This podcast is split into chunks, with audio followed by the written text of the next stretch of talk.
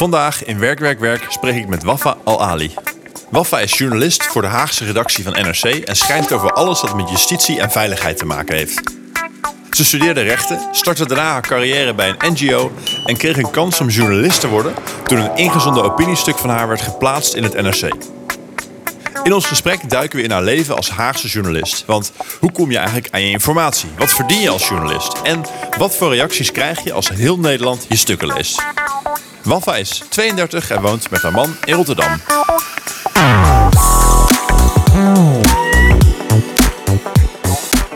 Afgelopen jaar uh, was er een heel groot nieuwsonderwerp in Oekraïne. Uh, de inval van Rusland. En ik was benieuwd hoe dat als, als journalist, hoe je dat meemaakt, zo'n enorm, enorm nieuwsevent. Nou ja, toen uh, de Russische inval uh, begon, werkte ik uh, op de nieuwsredactie van NRC. En de nieuwsredactie houdt zich dan ook bezig met snel en hard nieuws. Dus alles wat via persbureaus naar binnen komt, um, qua persberichten, ja, dat is dan het startpunt van een nieuwsredactie. Mm -hmm. En nou ja, ik merkte al best wel snel dat het onder je huid gaat zitten. Want het zijn nou ja, vooral in de eerste periode van de oorlog, ja, super heftige ja. Uh, ja, dingen waar je over moet schrijven. En vaak moet je dan ook bij de fotoredactie om een uh, om beeld vragen. Ja, het zijn natuurlijk ook allemaal uh, indringende beelden. Ja, en ik had zelf een kleine week na de Russische inval... dat ik ja, op die dag um, aan mijn bureau ging zitten... En al iets had van, ik, ja, ik ervaar zoveel spanning in mijzelf. Ik ga even bij de coördinator even aankaarten van... hé, hey, ik voel mij best wel gestrest vandaag. Kan je ja. een beetje rekening met mij houden? En uh, toen ik, terwijl ik dat deed, uh, ja, stortte ik in. Ik kreeg ja, echt een soort van mental breakdown. Uh, ik moest gewoon heel hard, ja, ik was best wel overstuur. Ik moest hard huilen en ik, snap, ik snapte echt niet waar het vandaan kwam. En uh, nou, op een gegeven moment, al pratende, kom je er wel achter dat die oorlog veel meer met je doet dan je jezelf eigenlijk wil toelaten. Omdat ja, ik zat, ik, ik werkte toen net een jaar bij de krant en ik had iets van, nou ja, ik, ja, dit mag mij niet raken, want dat is misschien dan het bewijs voor de hmm. hoofdredactie dat ik uh, niet geschikt ben voor het ja, vak. Omdat je? je? een soort van je eeuwige, perfecte, objectieve journalist misschien ja, wil zijn. Ja, precies. En dat je ook ergens niet wil toegeven dat sommige dingen jou raken. Ja. En uh, toen heb ik ook wel met andere collega's erover gepraat en die vertelden mij ook inderdaad dat ze soms over dromen of dat ze soms ook liever niet hebben dat ze een dag uh, bijdragen aan zo'n live blog over de Oekraïne-oorlog. En zo ben ik ook achtergekomen dat andere collega's ook andere gevoeligheden qua onderwerp hebben, bijvoorbeeld armoede. Ja. Omdat hun ouders in armoede hebben geleefd, bijvoorbeeld. Dus dat, uh, ja, die oorlog in Oekraïne heeft, uh, ja, ik heb mezelf wel beter leren kennen, zou ik zeggen. Uh, niet alleen als mens, maar ook als journalist. En het ja. heeft mij ook wel laten zien dat je als journalist heus wel geraakt mag worden. Zolang je dat niet meeneemt in je verslaglegging ja. van iets. En um, ja, en mijn huidige chef, die, die heeft ook twee jaar geleden een keer ook tegen mij gezegd, want ik ben best wel een emotioneel persoon. Die heeft ook een keer tegen mij gezegd: Weet je, we zijn ook niet alleen maar typemachines. Hè? We zijn ook gewoon mens. Los van de krant maken we ook gewoon dingen in ons leven mee die je dan soms ja, meeneemt naar je werk. Ja. Al, al, ja, al wil je dat niet, je kunt dat gewoon niet uitzetten. Dus dat was. Uh, ja, dat, ja dat, dat zijn gewoon mooie dingen om uh, achter te komen. Ja. En nu, als ik het. En, en ik, zeg maar, naar aanleiding van die gesprekken heb ik ook uh, soms ook wat vaker tegen de coördinatoren van de nieuwsdienst gezegd. Vandaag wil ik even niet over Oekraïne schrijven. Ja. Geef mij andere nieuwsonderwerpen ja. waar ik me mee moet bezighouden. En uh, dat ben ik met steeds minder schaamte gaan doen. Ja. Ja. Wel een mooie ontwikkeling. Mm -hmm. En uh, als je dan nu wel moet schrijven over, over een artikel of een onderwerp waar, waarvan je weet dat het, dat het jou persoonlijk raakt, hoe kun je dan, heb je daar dan, uh, wat is dan nu een manier om daarmee om te gaan, om te zorgen dat je het inderdaad niet te veel in je verslaglegging laat uh, doorkomen? Um, nou, Kijk, soms gebeurt het ook heus wel. Ik heb laatst een uh, groot artikel geschreven over ongedocumenteerde mensen. Mm -hmm. En um, dan, dan, terwijl ik zo'n bandje afluisterde met een man die dus geen papieren heeft. Ik merkte wel bij het afluisteren van het bandje dat ik dat wel heftig vond. Ja. Ook omdat die man, ik bedoel, ik had hem gezien en je hoorde ook aan het bandje dat die man echt in een kwetsbare Ja, positie zat. Want dat bandje is dan een opname die je hebt Ja, gemaakt? ik ne- Oh, dan neem ik inderdaad een gesprek op. En eh, dus dan hoor ik weer die breekbaarheid van hem. En ik merkte toen dat het, ja, dat gaat je niet in de koude kleren zitten. Ook omdat je weet dat hij op straat leeft. Ja, Eh, en wat ik toen heb gedaan is, ik heb het niet proberen weg te drukken. Ik heb het gewoon, ik heb het gewoon gelaten. Ik, ik mocht het even van mezelf voelen. En ik heb het eh, toen ook op die, die dag op een wat lager pitje gezet. En dat ik me op eh, iets anders ben gaan focussen. En dat ik dan de volgende dag weer ermee door kon gaan. ja, een beetje afstand misschien even nemen. Soms inderdaad een beetje afstand. En ja, ik heb ook het, ja, het is prima, weet je wel. Van, ik denk dat elk mens het, eh, ja, vervelend voor iemand vindt dat, dat, hij niet dat op straat, ook alleen dat maar menselijk natuurlijk. Ja, en ehm, dus die dag heb ik gewoon gedacht: ah, oké, ik voel iets meer spanning dan normaal. Prima. Ik heb gewoon dat transcript van dat bandje heb ik wel nog een beetje doorlopen, zodat ik een beeld heb van, oh ja, wat Ja. uit het gesprek neem ik mee voor En het mijn transcript stuk. lezen geeft natuurlijk wat minder emotionele druk, kan me Ja. voorstellen, dan het luisteren. Dan, ja, precies. En eh, het hele schrijfproces over dat stuk, dat ging weer helemaal goed. Ook om, ja, je kunt dan weer afstand nemen. En het scheelde ook dat het stuk niet... Dat het ging niet primair om hem. Ja, Hij was een soort van een beetje de invulling eh, van weet je, de illustratie. Ook Ja. om, voor, de lezer, om het ehm, voor de lezer wat tastbaarder te maken. Dus dat vind ik ook fijn aan mijn werk nu. Ik schrijf veel over beleid, Ja. wetten.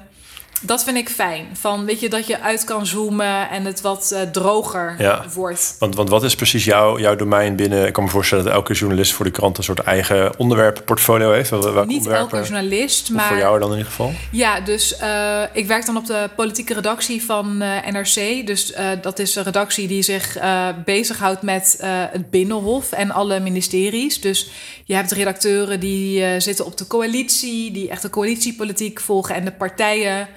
En je hebt dan depar- departementale redacteuren, dus de redacteuren die ministeries volgen. En wat ik dan doe, is het ministerie van Justitie en Veiligheid. Ja, dus jij bent een departementaal journalist. Ja, inderdaad. En ehm, dus dat is eh, ja, heel duidelijk. Eh, je volgt eh, de bewindspersonen op dat ministerie en hun beleidsterreinen. En eh, ja, en officieel ook op de politieke redactie worden de politieke partijen, dan, laten we zeggen de oppositiepartijen, die worden dan ook verdeeld onder ehm, de redacteuren. En eh, ik eh, heb BVNL van Wieberen Nice. van Haga. Het is een heel kleine partij. Ja, alleen en van Haga, toch? Nee, er zijn nog heeft het toch nog een paar twee andere, andere... Kamerleden volgens mij, ja. En nee, er zijn, er zijn, ze zijn met z'n drieën. En, maar goed, dat is een heel kleine partij. En ik wil op termijn wel een stuk over, eh, over ze schrijven. Ik heb ook een idee wel waarover, maar nou ja, dan moet mijn agenda wat leger worden. Ja, eh, de agenda wordt natuurlijk ook een beetje bepaald door de, de actualiteit op van dat moment. Ja, ja, waar, ja, de, ja inderdaad, hoe, ja, hoe de politiek eh, de onderwerpen agendeert. Ja. ja. En, kun je daar iets meer over vertellen? Ik was benieuwd überhaupt hoe, de, hoe je als krant eigenlijk georganiseerd bent. En ook inderdaad hoe je dan omgaat met dat de actualiteit steeds wisselt. Eh, maar kun je misschien toelichten hoe op de, op de Haagse eh, redactie... wat voor team daar eigenlijk is? En jij bent als journalist en welke rol jij speelt... in zeg maar, de soort van structuur van mensen die daar werken... om met elkaar de, de krant, zeg maar, of in ieder geval het Haagse gedeelte daarvan eh, te bouwen elke dag. Ja, wij werken op de politieke redactie dan met ongeveer 15 redacteuren. En kijk, je hebt eh, ehm, de, de redactie van NRC staat in Amsterdam. Ja. Het is gewoon grote redactie. Iedereen zit daar behalve dan de politieke redactie. Wij zitten gewoon in het holst van de leeuw, om het maar zo te zeggen. Ehm, en dat zijn dus dan 15 redacteuren die hoofdzakelijk in Den Haag eh, aanwezig zijn. En wat ik al zei, je hebt dan eh echte politieke verslaggevers. Dus de, de mensen die eh, ja, zich bezighouden met de coalitie en het kabinet. Ehm, en dan heb je daar dus omheen eh, die departementaal redacteuren. En vaak, eh, het gebeurt vaak genoeg dat er, dat er overlap is hoor. Bijvoorbeeld nu met asiel, migratie. Ja, ik focus me dan op het ministerie, de staatssecretaris. Dan focussen zij zich weer meer op die partijpolitiek. Dus hoe zit D66 of eh, ChristenUnie nu in dit Ja. onderwerp? Hey, Cas hier. Superleuk dat je luistert naar Werk, Werk, Werk. Ik hoop dat je het wat vindt en dat je de show wilt supporten. En dat kun je doen met drie simpele stappen. Stap 1. Laat een review achter en geef Werk Werk Werk 5 sterren, zodat meer mensen de show kunnen vinden. Stap 2. Abonneer je op Werk Werk Werk door op volgen te klikken in je favoriete podcast app. Stap 3. Schrijf je in voor de nieuwsbrief op werkwerkwerkpodcast.nl. Klaar? Luister dan lekker verder. En dan hebben we ook nog, ehm, los van alle redacteuren, hebben we ook twee eh, chefs. Ja. Dus heb je chef en een uh, plaatsvervanger. En uh, die, die verdelen dan een soort van de taken over de week. Dus dan heb je een deel van de week dat de chef de coördinatie uh, op zich neemt. En, het en weet je, dan kan de plaatsvervanger zich meer bezighouden met de mensen of het regelen van ja, lange termijn zaken dingen. En dan draaien ze het weer om. En we hebben op de politieke redactie ook een wekelijkse podcast, Haagse Zaken. Ja. Um, die wordt dan ook uh, ja, toch wel een belangrijk deel van de week uh, voorbereid in samenspraak met de audioredactie. Ja. Die zit dan in uh, Amsterdam, maar die komen vaak genoeg ook dan naar Den Haag. om nou ja, te overleggen, script in elkaar te zetten. Nou ja, dat soort, ja. dat soort dingen. En is dan een, een redacteur, is dat het, noem je jezelf ook een redacteur of is een redacteur echt een ander beroep? Nee, uh, ik denk een redacteur is uiteindelijk hetzelfde als journalist of verslaggever. Um, ja, in krantentermen is dat hetzelfde. En um, de krant moet natuurlijk ook uh, elke dag moet er een nieuwe krant komen. Dus er zit ook een soort interessante uh, tijds, tijdsdynamiek in. Uh, kun je daar wat over vertellen? Hoe, hoe dat werkt, hoe jullie dat organiseren, zodat je elke dag weet waar je over moet schrijven en, en wanneer het af moet zijn en wat dan wel en wat niet in de krant komt? Ja, we kijken uh, altijd vooruit uh, via uh, de weekvergadering. Dus dat is dan één keer per week dat we een wat langere vergadering houden. Ook inderdaad over deze dingen. Van Ja. wat, wat komt er op ons af? En dan wordt er in de krant ook ruimte gereserveerd. Ja, Omdat je soms ook nou ja, moet vechten om papier, zo ja. noemen we ja dat dan. om ruimte in de krant natuurlijk. Ja. En krijg je dan op basis van die weekvergadering een soort opdracht mee van voor jou, voor deze week, ga, ga dan maar dit schrijven of verwachten we? Ja, ik had het al enkele weken geleden inderdaad wel dat er op een gegeven moment werd gezegd: oeh, we voelen, want uh, we voelen dat we weer iets met asiel moeten doen, want dat, dat gaat wel weer een dingetje worden. En dan wordt mij gevraagd of ik een soort van samenvattend stuk wil schrijven van hey, wat is er uh, sinds de zomer eigenlijk Ja. uh, ge gedaan? Ja. En dit is dan een voorbeeld van een onderwerp wat er dan ook redelijk planbaar is. Of iemand die zegt dus al vooruit van we willen dan en dan een beetje zo'n stuk hebben. Ja. Maar ik kan me ook voorstellen dat er soms gewoon opeens iets gebeurt, vandaag of gisteren. En, en hoe werkt dat dan? Krijg je dan een paniekbelletje van oké, je moet nu alles laten vallen en ander onderwerp? Ja, dat kan gebeuren. En wij krijgen, kijk, uh, als journalist heb je ook, uh, ben je geabonneerd op het persalarm van Ja. uh, ANP. Dat is dan het, Nederlands, het grootste Nederlandse persbureau. Nou, als een persalarm binnenkomt over jouw onderwerp, ben je vaak niet verrast. Dan weet je al een beetje wat er. eh, Ja, want vaak krijg je ook gewoon onder embargo, noemen Ja. wij dat dan.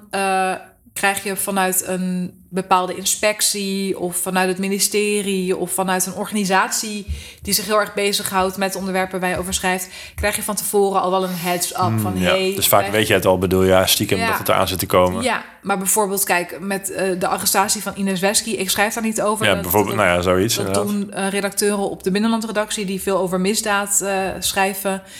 Dat was echt een verrassing Ja. voor iedereen. Ja, dan, dan kan ik me voorstellen dat, uh, dat die redacteuren alles laten vallen Ja. en daarmee aan de slag gaan. En dan wordt er ook meteen um, uh, op planningsniveau ook wel meteen weer uh, gezegd: hey, we Ja. gaan voor morgen. Dit artikel gaat dan weer, wat er gepland was, gaat op Ja, de langere dan schrijft baan alles door. dan, dan kunnen bepaalde tijdloze artikelen, om het maar zo te Ja. zeggen, die kunnen dan uh, worden doorgeschoven. Dus het gebeurt ook echt wel vaak genoeg hè, dat een, een stuk van mij uh, al vijf keer is doorgeschoven. Ja. Omdat er dan wordt gezegd, het is best wel tijdloos, het is niet heel urgent dat het morgen in de krant komt. Het heeft moeten wijken voor iets wat echt vandaag gebeurd is. Ja, en, en als je, je bent nu daar, uh, je zei dat je voor mij nog niet zo heel lang op dit uh, departement zit. Um, ik kan me voorstellen dat je ook een beetje je soort van bronnen van informatie moet ontwikkelen. Dat is natuurlijk altijd een mooi spannend uh, journalistenonderwerp van wat, wat zijn je bronnen. Mm -hmm. um, zonder dat je daar natuurlijk heel specifiek over kan zijn, was ik wel benieuwd. Uh, is dat, ja, hoe, hoe werkt dat? En moet jij inderdaad een soort persoonlijk netwerk, geheim netwerk opstellen van mensen die jou uh, dingen influisteren? Of is het niet zo uh, mysterieus? Wel een beetje wel hoor. Dat, dat, dat beeld klopt wel. Kijk, kijk, toen ik eh, ging solliciteren op deze functie, dus eh, justitie en veiligheid in Den Haag. Kijk, eh, in, de, in de vacature wordt ook al wel gezegd: het zal wel fijn zijn als je al een netwerk hebt, als je een netwerk mee kan nemen. Of dat je in elk geval in een gesprek ehm, ja, laat zien hoe jij van plan bent om je netwerk op te gaan bouwen. Ja. Uh, nou goed, ik heb zelf een juridische achtergrond. Ik ken heel veel mensen die in ja, zoveel hoeken van uh, ja, de justitiële keten uh, werken. Um, dus dat is al een voordeel. En daarmee zeg ik niet dat mijn vrienden bronnen van mij zijn. Want dat kan ik je straks ook nog even uitleggen hoe dat dan gaat. maar meer van, ik ken de belangrijke organisaties. Ik weet ook hoe ze werken. Dus dat. En verder is het ook, um, je merkt op een gegeven moment ook wel dat mensen jou weten te vinden. Ja. Dus ik krijg niet zelden tips via mijn mailadres, wat dan op mijn Twitter-account uh, Ja. te vinden is. Of zelfs op mijn LinkedIn heb ik het volgens mij ook wel staan. Mensen weten op een gegeven moment ook te vinden dat ze iets hebben van: oh ja, die Wafa die schrijft uh, hierover. Of die heeft toen uh, over de rechtspraak geschreven. Ja. Dus dan willen mensen, ik denk als mensen dan zien dat jij redelijk goed uh, en integer schrijft, dat ze je dan wel mailen. En uh, wat ik ook vanaf januari uh, nog steeds aan het doen ben, is koffie drinken met mensen Ja. uit het wereldje. Dan besteed je inderdaad dan ook echt eh, significante tijd van je werkweek om, om dat eh, soort van op te bouwen, Ja. te cultiveren. Ja, ik zou niet zeggen. Ik denk dat ik heb het idee dat ik dat meer zou kunnen doen dan ik doe, maar ik doe het wel. Ik denk wel bijna wekelijks dat ik wel koffie drink met iemand of kennis maak. Ja, Ehm, ook met woordvoerders, hè, maar dat ja, zonder af te doen aan eh, hun werk. Dat zijn niet mijn belangrijkste bronnen, want woordvoerders, eh, ja, vooral van ministeries ja. en die volgen ook de lijn, lijkt me. die moeten inderdaad ook wel een bepaalde lijn bewaken. Dus die zullen nooit heel loslippig met je zijn. Ja, Al komt het soms ook wel voor hoor, dat je een bepaalde klik hebt met een Ja. woordvoerder. En dat die woordvoerder je dan off the record Dat ze iets informatie gunt. Ja. Maar dan mag ik het niet citeren of weet je wel, eh, herleidbaar opschrijven. Ehm, en ja, voor de rest, eh, ja, ook met Kamerleden nog steeds wel kennis maken. ja, Want dat, dat merk ik wel. Dat eh, Kamerleden dan eh, niet zo heel snel geneigd zijn om de telefoon op te nemen of te appen. Als ze jou niet in het echt gezien hebben. Ja. Dus vaak hoor ik vooral van coalitiepartijen dat ze zeggen: hey, kom anders even bij mij op de Kamer langs. Dan kunnen we even kennis maken. ja. En met de belofte dat ze dan eh, dat het contact daarna wel wat soepeler zal soepeler gaan. gaat. Dat is ook Ja. wel een voordeel dan voor werken voor een grote krant, kan ik me voorstellen. Dat daardoor ook een bepaald gewicht eh, in de schaal legt. Of dat mensen ook met je willen praten, omdat ze Ja. weten dat je voor NRC schrijft. Dat gevoel heb ik soms ook hoor. Maar mm, ik bedoel, het komt ook echt wel voor dat, dat mensen niet reageren.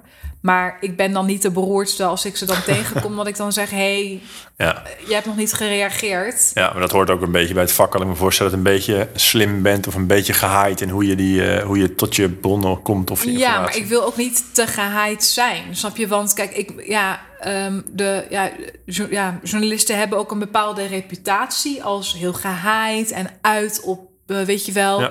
dat iemand struikelt en dat ze dan, weet je wel, voor de haaien worden gegooid eh, in de krant of zo.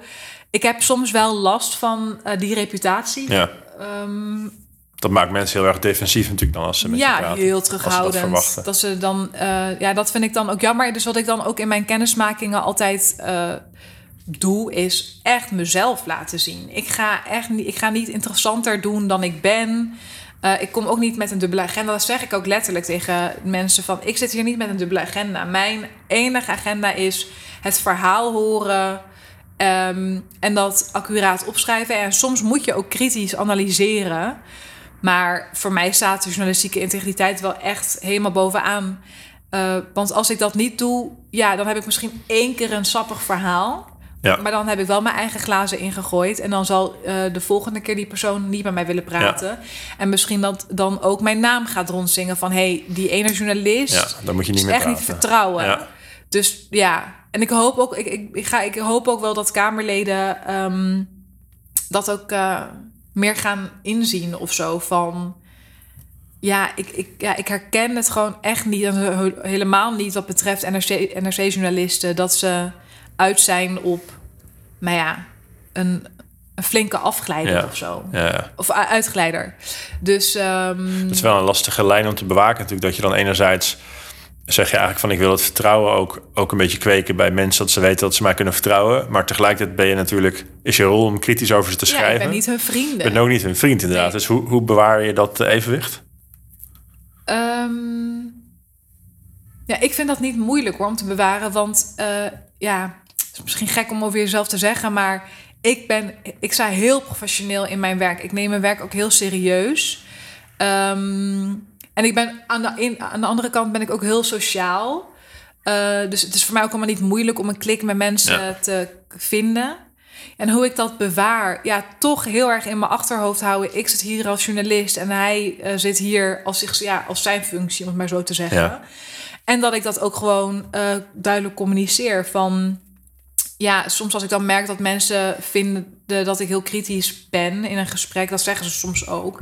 Dat ik zo ook zeg van ja, maar dat is ook mijn werk. Weet je wel, van ik zit hier inderdaad niet als jouw vriend. ehm, maar ik zit hier wel gewoon integer. Weet je wel van ja, ik probeer gewoon mijn werk te doen. Ja, misschien dat je dan ook kan, dan geef je natuurlijk eigenlijk ook aan, want het kan ook twee kanten op gaan. Van als je dan wel goed werk levert, dan kan ik daar ook over schrijven. Je zit er niet om alleen maar slechte dingen op te schrijven. Ja, ja. Ja, en kijk, tuurlijk, ik bedoel, eh, ja. Uiteindelijk ben je toch sneller geneigd om op te schrijven wat niet goed gaat. maar stukken. meer van. Ik wil het niet, ik, maar ik probeer dat niet kritisch te benaderen. Hè? Ik bedoel, niet, niet kritisch. ehm, ik probeer dat niet persoonlijk Ja. te, te benaderen. Het is meer van. Ja, nu moet ik bijvoorbeeld denken aan een stuk wat ik had geschreven over een motie die eh, was ingediend door een SGP-kamerlid. En, en dan stel ik hem vragen en hij geeft antwoorden. En ik heb dat opgeschreven en ik dacht toen, hmm, oké, als ik het aan hem voorleg voor een feitelijke check, dan gaat hij misschien terugkrabbelen. Maar niet omdat ik daarop uit was. Hij zei gewoon bepaalde Ja. dingen. Nee, hij vond het helemaal oké. Ehm, en dat laat aan mij dan zien dat ik het accuraat heb Ja. opgeschreven. En ik, ik beoordeel hem niet als persoon, maar als Kamerlid. Ja, en dat houdt dus die, zo kun je die relatie, bedoel je dan wel gezond houden. Ook Ja, wel, en tegelijkertijd begrijpen wel ook, kritisch ja. schrijven. Zij snappen inderdaad natuurlijk ook jouw rol. Ja, Ja. ja. Ja. En, en je, je- met je werk zijn ook altijd de resultaten heel erg publiek. Want iedereen leest, of hopelijk leest iedereen jouw stukken. Ehm, wat merk je daarvan? Of wat, wat voor invloed heeft dat op je, op je werk ook? Ehm, ja, het is inderdaad heel zichtbaar werk.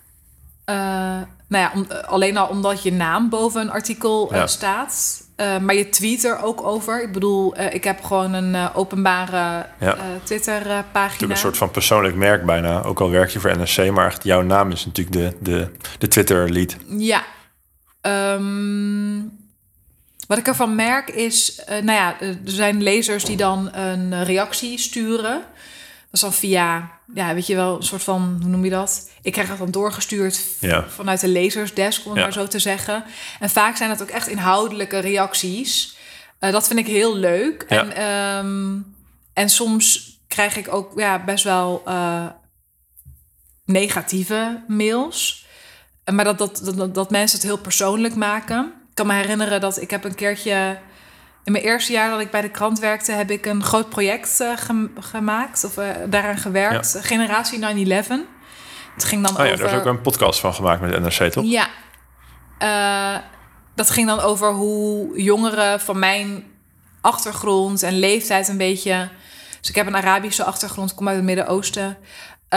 Hoe, hebben zij, hoe heeft 9-11 eh, nou ja, hun ontwikkeling beïnvloed? Ja.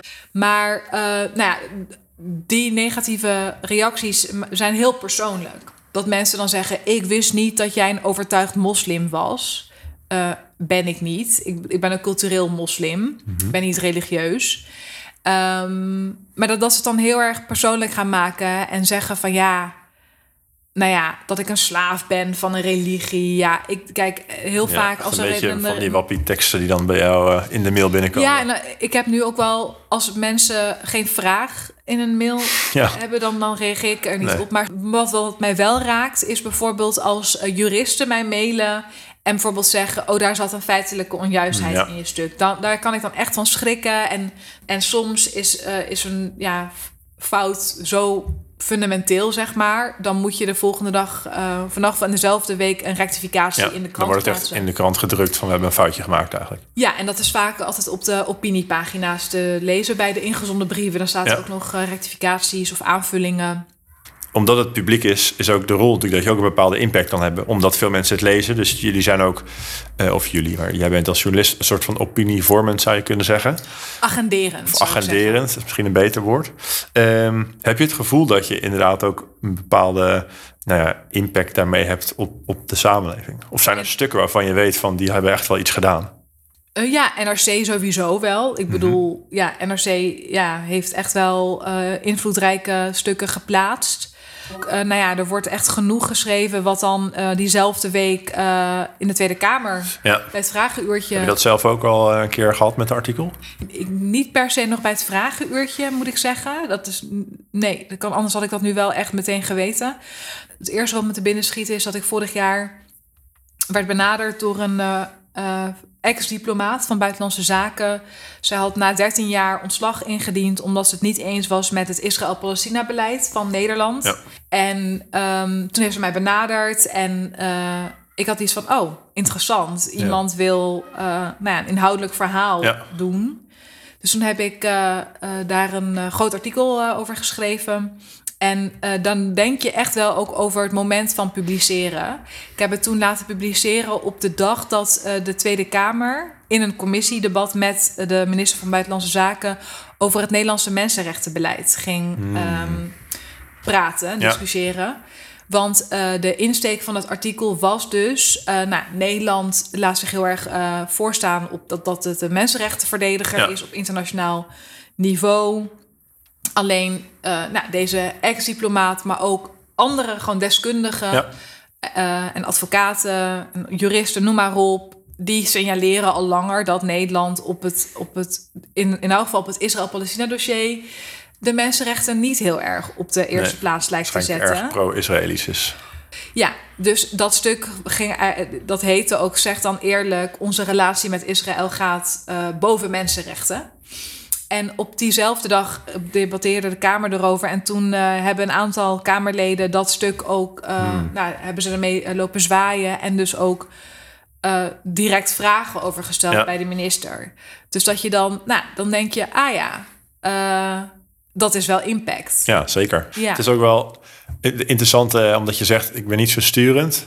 maar je zou ook kunnen stellen in de agenderende functie ben je natuurlijk eigenlijk al heel erg sturend. Want, want je kiest er als krant voor om te schrijven. En jij kiest welke onderwerpen je eh, ook binnen een artikel waar je de nadruk op legt. Zeker. Dus eh, weet je dat hele idee van, weet je wel, van als, als, uh, als mensen op sociale media dan uh, een journalist gaan afbranden van jij bent niet objectief. Nee, ja, natuurlijk zijn we niet objectief. Nee. In de zin van. Um, kijk, we zijn wel. Kijk, we, we ik moet even wat beter zeggen. We zijn objectief in zoverre dat als we een onderwerp naar ons toe trekken en we ervoor kiezen om erover te schrijven, dat we dat objectief opschrijven. Ja, maar een soort van feitelijk in wat je opschrijft. En zo, weet je, ja, de, gewoon de, de verschillende perspectieven erop belicht.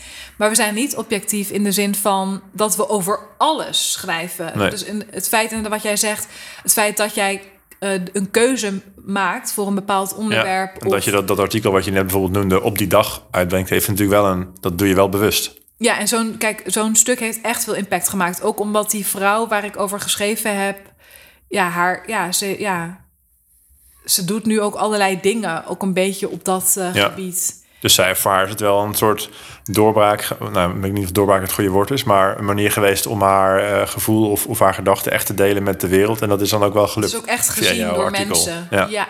ja. ja vind ik wel gaaf. heel mooi. Ja, dat dat Voor haar is. ook. ja. ja. En laten we eventjes heel, ja. heel erg concreet uh, in, in jouw, uh, jouw werk duiken. En nog concreter in jouw dag zelfs. Uh, ik was benieuwd, we zitten vandaag, dat we het opnemen, is het een beetje het einde van de werkdag mm -hmm. is.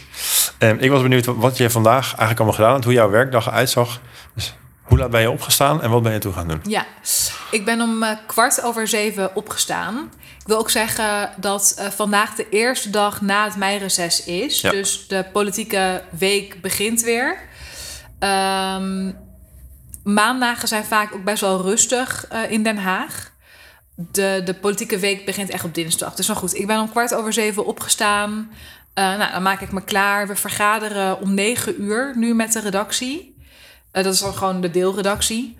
En eh, dat doe ik dan vanuit huis. Tenzij ik echt heel vroeg een afspraak heb, maar dat had ik niet vandaag. Dus ik heb gewoon vanuit huis eh, online de vergadering eh, gedaan. En in de vergadering op maandagen blikken we terug op eh, de weekendkrant. Dus de krant van eh, zaterdag. Wat is ons opgevallen? En eh, de krant van vandaag, dus de ochtendkrant. daar, daar, daar praten we dan heel even over. En dan heel snel gaan we vooruitkijken. Dus oké, ehm, ja, wie gaat wat al voor de krant van morgen doen? En dat wordt dan gewoon besproken. En dan denk je ook mee. Bijvoorbeeld, ik hoorde van een collega dat hij met een bepaald onderwerp eh, aan de slag ging. En dat ik toen dacht van, oh ja, ik, dat ik hem iets wilde meegeven... omdat ik een tijdje geleden mensen had gesproken... Precies. die hier wat over Ja, zeiden. dus je had een soort, wellicht een soort netwerk eh, tipvorm of een bron waar die wat mee Of, kon. ja, of meer van, ja, precies. Meer van letten op deze brief die Ja. toen en toen door een bepaalde organisatie was verstuurd. Dus dan, eh, weet je, je doet ook echt al mee. Al heb, kijk, ik heb voor morgen niks op de agenda Ja. eh, staan voor de krant. Maar goed, dus eh, dan heb je die vergadering. Na de vergadering heb ik de trein gepakt. Ik woon in Rotterdam. Dus dan ben ik een klein half uurtje in de trein. En ehm, ik had een, een, een online afspraak met binnenlandredacteuren. Dus we hebben op de binnenlandredactie vier mensen die schrijven over misdaad, politie, nou ja, georganiseerde misdaad. En we waren een beetje kwijt wie wat doet. Wat is de rol en de taakverdeling? Dus toen hadden we een online vergadering van... hey, wat zijn onze verwachtingen van elkaar? Ehm, en daar zit dan, dan een chef bij... die dat een beetje weet je wel, in de gaten dat zijn ook houdt. gewoon echt de, de soort van organisatorische zaken moeten Ja, er ook ja. besproken worden. Dus dat heb ik, eh, dat, dat eh, gesprek hadden we. Toen ben ik met een aantal collega's eh, vanaf onze redactie naar het tijdelijke Tweede Kamergebouw gelopen. Hebben we daar in het Kamerrestaurant geluncht. En dan praat je nou, gewoon met collega's over je werk. Ehm, en het is wel interessant hoor, want in het Kamerrestaurant lunch je ook gewoon tussen de Kamerleden. Ja, ja. Dus dat is wel, ja, dat is altijd Is dat wel echt gewoon, zeg maar, lunchtijd, een soort van vrije tijd? Of zit je dan stiekem ook om je heen te kijken en te luisteren van wie praat met wie? En, Ik doe dat in elk geval niet. ja, Nee, dat niet. En ik heb vaak ook mijn bril niet op als ik lunch. Dus dan dat is een goede. Dan weet je zeker dat je het niet helemaal eh, Ja, kan volgen. maar ook omdat ik denk van ja, ja, ik, ja, ja, ik weet het niet. Misschien dat andere journalisten er anders over denken. Maar ik heb iets van laat die mensen ook even lunchen. ja, precies. Snap Ja. je? Die zijn ook even uit hun rol. Ja. en Gewoon even Ja, natuurlijk. Bedoel, soms valt het je op hoor dat bepaalde Kamerleden met elkaar zitten of zo. Maar ik ga echt geen gesprekken afluisteren tijdens lunch. Ehm, toen ben ik teruggelopen met eh, ehm, collega's. Ik heb nog wat dingen eh, achter mijn bureau gedaan. Dus ik heb bijvoorbeeld in de kameragenda gekeken voor de komende eh, weken. Nou mijn mail eh, een beetje doorgewerkt. En eh, toen later op de middag had ik ehm, een eh, kennismaking met de staatssecretaris Erik van den Burg van Asiel. Want ja, dat is wel een relevante kennismaking voor jou. ja, dat is heel relevant. Ik bedoel, ik heb hem al een paar keer in het echt gezien en op wat vragen gesteld. Maar we hebben nooit één op één met Ja. elkaar gezeten. En die afspraak stond al een tijdje. Dus ben ik naar het ministerie gelopen en was heel leuk. Zeg maar, ja, je ziet elkaar nou, dan echt voor het eerst heel bewust. Er zit altijd wel een woordvoerder bij. En de afspraak is, het is een achtergrondgesprek. Ja. Ik zal nooit direct eh, er iets van gebruiken. Maar ik zit dan wel met mijn kladblokje bepaalde dingen op te schrijven die Hmm, mij opvallen. Want is het altijd nog schrijven? Het is niet dat je dat opneemt of zo. Nee, dat neem ik echt niet op. Ja. Nee, want weet Geeft je ook wel, de verkeerde indruk misschien als je daar de recorder neerzet en zegt. Nee, maar dan nee, het is, was ook echt een kennismaking. En dan, eh, ik had ook het idee, ehm, mensen zitten dan ook wat lekkerder in het gesprek. Ja, wat relaxter. Ja, en ik heb gewoon, ja, nou ja, dus als hij iets zegt dat ik denk, oh, daar wil ik later iets mee, gewoon Ja. thematisch, dan schrijf ik het gewoon op. Dus ik had die kennismaking en toen ben ik weer teruggelopen naar de redactie, nog wat eh, dingen afgestemd met collega's. En toen ben ik eigenlijk, heb ik de, trein, de, de, de tram gepakt en ben ik naar jou toegekomen. Hierheen. Ja, Kijk, En, en is dit voor jou een, een normale dag of een beetje een soort van... ja, eh, het was een heel losse, niet samenhangende dag. Maar dat is ook prima, want ik had de afgelopen twee weken het heel druk met artikelen. Dus dan vind ik het ook wel lekker hoor, dat, er, dat het gewoon een heel losse Ja. dag is. Uh, maar een normale dag voor mij is uh, dat ik heel duidelijk weet wat ik, waar ik mee bezig ben. Ja, omdat je echt aan een artikel aan het werk bent Ja. bijvoorbeeld. Ja. En um, uh, dat ik daar, ja, ik bel heel veel. Um, of ja, ik spreek dan met mensen af waar ik dan wel de recorder voor aanzet. En uh, ja, veel schrijven en dingen uitzoeken. Bijvoorbeeld woensdag ga ik naar een commissiedebat over uh, asiel. Dus dat dan is zit ik. super inhoudelijk. Ja, ja. Dus nee, vandaag was geen normale dag. maar dat, is, dat mag ook. Dat is Ja. ook echt heel fijn. Ja, die moeten er ook tussen zitten. Ja. Ik ben ook benieuwd, ehm, financieel, wat verdien je eigenlijk als journalist? En is dat iets waar je, kun je daar goed je boterham mee verdienen? Het verdient niet uh, zoals je in het bedrijfsleven zou uh, verdienen. Maar ik heb ook wel het idee dat uh, hoe ervarener je bent, hoe beter je onderhandelingspositie ook wordt. Mhm. En um, ik zou zeggen dat we, ja, ik, werk, ik, ik verdien wel modaal. Misschien Ja. iets eronder. Wat ik ernaast ook soms doe. Um, ik heb ook radio-optredens. Mhm. Uh, dat is dan freelance, om Ja. het maar zo te zeggen. Daar krijg je ook gewoon vergoedingen voor. Ah, ja. dus soms kun je nog een beetje, een soort snabbels, nog een beetje erbij verdienen. Op zich wel, ja. En bijvoorbeeld, uh, ik word soms ook wel gevraagd om uh, op een congres een praatje te houden over ja, verslaggeving over migratie of zo. Ja. Dus nee, op die manieren kun je dus ook gewoon bovenop je salaris, nou ja, wat extra's verdienen. Ja. Ja, net, je je refereerde net heel eventjes aan dat je wat later de journalistieke in bent gegaan. Je hebt daarvoor wat andere dingen gedaan. Uh, want ik had gezien, je hebt eerst rechten gestudeerd. En toen heb je uiteindelijk, uh, de andere kant op gegaan. In de, de wereld van de NGO's ben je beland. Kun je daar iets meer over vertellen wat je daar gedaan hebt? Ja, ik heb dus na mijn afstuderen in 2014 heb ik een tijdje gewerkt voor een Amerikaanse uitwisselingsorganisatie. En daarna de vrouw voor wie ik inviel, die was in die tijd met mij heel erg, die, die dacht heel erg met mij mee. Van, Ja. Dus af en toe stuurde ze mij een mailtje van: hey, ik zie deze vacature voorbij komen. Gaaf. Heel lief. Ja. En ehm, toen heeft ze mij een vacature gestuurd eh, van, ehm, van een organisatie, vluchtelingenorganisatie, Stichting voor Vluchtelingstudenten UAF. En eh, dat was gewoon voor een tijdelijke positie. En eh, daar was ik voor aangenomen en ik kon daar blijven hangen. Dus ik ben ook doorgegroeid naar een wat ja, serieuzere positie, om het maar zo te zeggen. En daar heb ik uh, ruim vijf jaar volgens mij voor gewerkt. Nou, iets, iets minder dan vijf jaar volgens mij. Um, en um, op een gegeven moment um, merkte ik wel dat ik was uitgeleerd in die positie. Dus heb ik, uh, net als uh, heel veel millennials, zeg ik altijd, uh, loopbaancoaching gedaan. Oh ja. Dat is nu vier jaar geleden. Dat kon ik ook gewoon betalen via mijn werkgever. Um, en via die loopbaancoaching ben ik erachter gekomen dat ik ja, eigenlijk heel graag uh, wil schrijven en een soort van ja, licht schijnen op dingen, om het maar zo te zeggen. Mm-hmm. Uh, dus toen kwam al heel snel uh, naar boven dat de journalistiek wel zou passen bij mij. Um, en toen, uh, toen heb ik een opiniestuk geschreven en dat naar NRC gestuurd, want dat was mijn krant. Dat las Ja. ik gewoon al heel lang. Toen hebben ze dat heel snel uh, willen plaatsen. En op de dag... Kun je gewoon dan zelf een stuk schrijven en naar NRC e-mailen. En als ze het dan goed vinden, dan Ja, kan het dan bepaalde. worden. Er staat, als je een opiniestuk wil schrijven, dan moet je wel ja, aan een bepaald woordenlimiet houden. Je kan Ja, natuurlijk niet een soort format epistels gaan voor- schrijven. Ja. En, je, ja, en ze lezen ook uh, alleen volgens mij de stukken die, uh, die een duidelijke onderwerpregel hebben. Dus ze zeggen op de website. Zet in je onderwerpregel bijvoorbeeld hoeveel woorden je stuk heeft. Als, ze dat, als je dat niet doet, dat, dat lezen ze misschien dan ook niet. Ja, Dus er zit al een soort filter voor. ja, beetje. en uh, nou goed, ik heb dat opgestuurd en uh, ze wilden het al heel snel plaatsen. En op de dag van publicatie kreeg ik een mailtje met: Hey, wilde vraag, maar heb jij journalistieke ambities?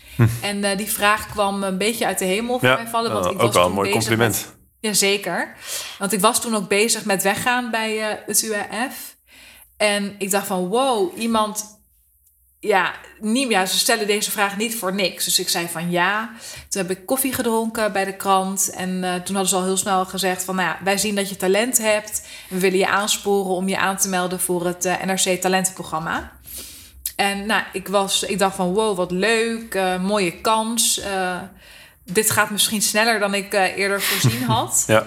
Lang verhaal kort, uiteindelijk uh, heeft NRC vacature voor het talentenprogramma uitgestuurd. En eh, daar heb ik op gesolliciteerd. En nou ja, dat is heel competitief. Dus er solliciteren honderden mensen op. En dan nemen ze iets van vier mensen Zo. aan. En ja, ik vond het heel spannend, want het heeft allerlei rondes. En de assessment ronde, dan draai je gewoon een hele werkdag soort van mee. Gaan ze simuleren. En dan moet je ook gewoon onder druk Ja. eh, op basis van een persbericht een nieuwsbericht schrijven. Maar ik had die ervaring nog niet Ja, echt. wel, klinkt wel echt als, ook als een bloedserieuze selectie die daar wordt eh, gedaan. Ja. En eh, ik zag op de selectiedag, de assessmentdag dan, dat de mensen met wie ik daar zat allemaal echt langere ervaring in de journalistiek hadden. Ja, en dus de moed zakte jou aan de schoenen. niet. Ja, de moed zakte me echt in de schoenen. Ik ga je zeggen, ik heb van die dinsdag tot die vrijdag dat ik het te horen zou krijgen, bijna niet geslapen. Ik Ja. was zo gestrest. Ik kon gewoon echt even niet functioneren. En eh, nou goed, toen werd ik gebeld en nou, we willen je. En ik dacht, oh, geweldig. En dan het talentenprogramma houdt dan in dat je twee jaar lang eh, leert en werkt bij de krant. Ja, Twee jaar lang op drie deelredacties, dus acht maanden steeds. beetje een soort van traineeship eigenlijk eh, Ja. qua indeling. Ja. Inderdaad. Dus ik, heb, ik begon bij de politieke redactie. Toen ben ik naar de nieuwsredactie gegaan. En geëindigd bij Binnenland, omdat ik ook meer reportages wilde schrijven. En nou ja, voor mij was er heel snel duidelijk dat de politieke redactie mijn plek is. En ik had het geluk dat, eh, dat nou ja, eh, kijk, voor mij was al wel snel, redelijk snel duidelijk dat de krant mij wel zou willen houden. Maar ze zeiden ook van, ja, wij gaan ook geen baan voor jou creëren. Je moet wel solliciteren Ja. op dingen die vrijkomen. En dan zien we wel verder. Ehm, maar ik dacht, ik ga, ik ga ook niet zomaar op een Random plek zitten. Nee, ik ga Ja. niet op film eh, solliciteren omdat ik maar wil blijven. Ja. Ehm, en dus eind vorig jaar kwam justitie vrij. En dat was wel echt mijn droomplek. Dus daar had ik echt veel geluk ook mee. Ja, En gewoon solliciteren. Hè? Dan word je weer op gesprek je moet weer door de, uitgenodigd. door de hele molen heen. Ja. Pittig. maar nu eh, uiteindelijk, ja, nu zit ik eh, ja, als portefeuillehouder heel blij mee. Ja.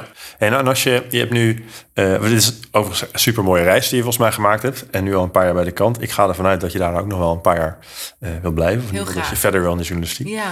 Ehm, als je nou terug, even terug in de tijd kan reizen en, en weer met de Wafa zou kunnen spreken die net aan het afstuderen is of die net is afgestudeerd. Je hebt nu natuurlijk in die, in die jaren dat je werkt ook hoop geleerd. Zou er iets zijn waarvan je zegt dat had ik misschien wel, daar ben ik blij mee dat ik het nu weet wat ik toen nog niet wist. Of iets wat je aan jezelf zou kunnen vertellen op dat moment. Ik zou dan denk ik tegen Wafa, die net haar diploma op zak heeft. en erachter komt dat de wereld niet echt aan haar voeten ligt. zoals ze eerder dacht. terwijl ze toen ze op de universiteit zat. dat het echt wel eh, goed komt. En dat we onszelf ook niet moeten onderschatten. Van eh, ja, we zijn ervaren op een bepaald vlak. We hebben veel inhoudelijke kennis opgedaan. Of ja, ik heb dan eh, veel inhoudelijke kennis In je, in opgedaan. je studie bedoel je? Ja, die werkervaring moet je opbouwen.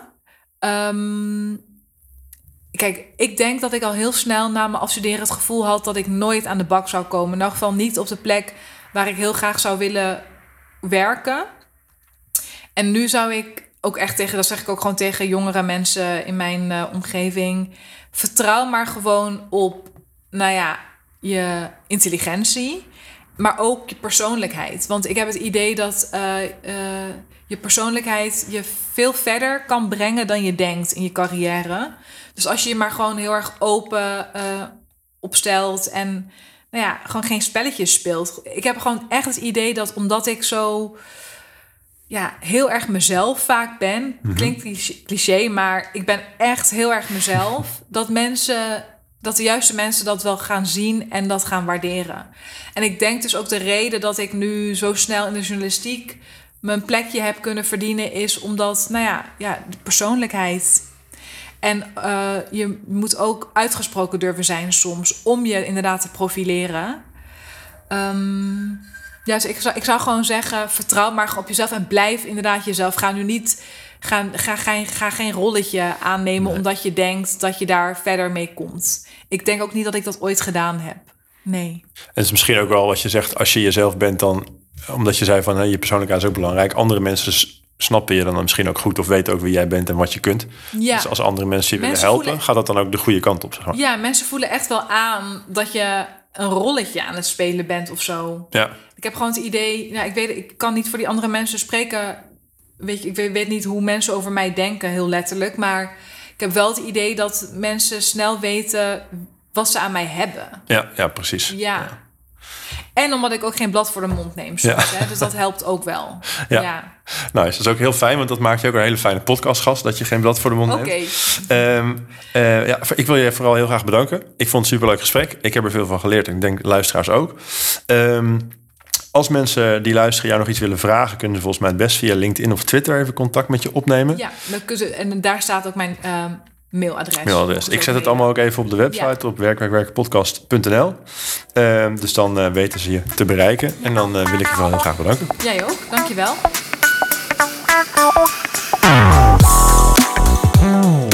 Bedankt voor het luisteren naar deze aflevering van Werk, Werk, Werk. De podcast over het werkende leven. Op de website werkwerkwerkpodcast.nl vind je een samenvatting en links naar bronnen uit dit gesprek. Ook kun je je daar aanmelden voor de nieuwsbrief, zodat je nooit een aflevering hoeft te missen. Daarnaast hoor ik heel graag wat je van deze aflevering vindt en wie ik nog meer zou moeten spreken. Laat het me weten in een review in je favoriete podcast-app of stuur een berichtje via de website werkwerkwerkpodcast.nl. Dankjewel.